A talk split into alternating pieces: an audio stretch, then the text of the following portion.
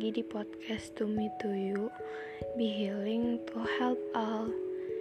Jadi kali ini Judul yang akan kita bahas adalah Dibedakan karena sebuah perbedaan. Topik dan judul yang sangat menarik untuk dibahas hal kecil yang sama sekali tidak harus dipermasalahkan, lalu menjadi sebuah tingkatan perbedaan. Kita sama, lahir dari rahim seorang ibu, dan makan pun pakai nasi. Namun, yang hanya membedakan adalah bagaimana cara berpikir dan bersikap. Lantas, mengapa? Perbedaan dari seseorang menjadi tolak ukur munculnya kata dibedakan. Gak harus cantik, ganteng, atau sempurna dulu bukan buat dapetin sesuatu.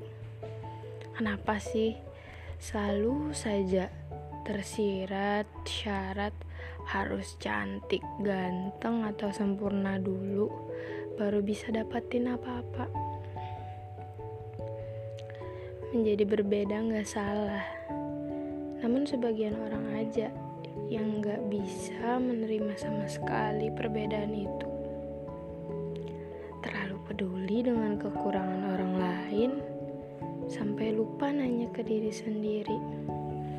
Aku ini memangnya sudah sempurna.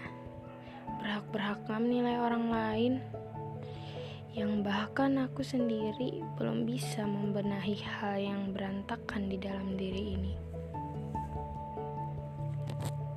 Kadang, apa yang kita pikir terlihat buruk di orang itu, namun menjadi hal paling baik menurutnya. Terlalu banyak orang yang memperlakukan orang lain dengan hal berbeda hanya karena melihat perbedaannya. Hal biasa, namun rasa sakitnya luar biasa. Umur doang yang tua, tapi cara berpikir masih muda. Kalau masih melihat hal yang kurang dari seseorang, langsung memperlakukan hal berbeda dari orang lain yang memang mempunyai segi keberuntungan dalam hal fisiknya. Kurang-kurangin deh ngelakuin hal yang seperti ini. Gini aja, seandainya kalau tukar posisi, gimana rasanya kalau diri kita yang emang gak salah apa-apa langsung diperlakukan hal yang berbeda karena satu kekurangan saja yang kita punya. Bayangin deh dulu satu, dua, tiga. Nah, udah kan? Gimana kira-kira rasanya? Sakit kan? Kalau kira-kira kalau nggak sakit, ya kalian monster. Gak punya rasa sama sekali. Gak mungkin kan hal yang kayak gitu hmm, nggak sakit, nggak mungkin dibedakan hanya karena perbedaan dan kekurangan yang kita punya. Sebenarnya manusia itu lebih banyak kurangnya daripada lebihnya. Kelebih kelebihan itu hanya untuk menutupi kekurangan kita.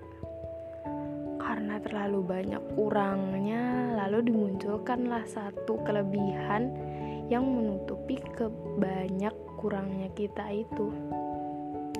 Jadi, kalau kita masih ngerasa sempurna daripada orang lain, itu salah.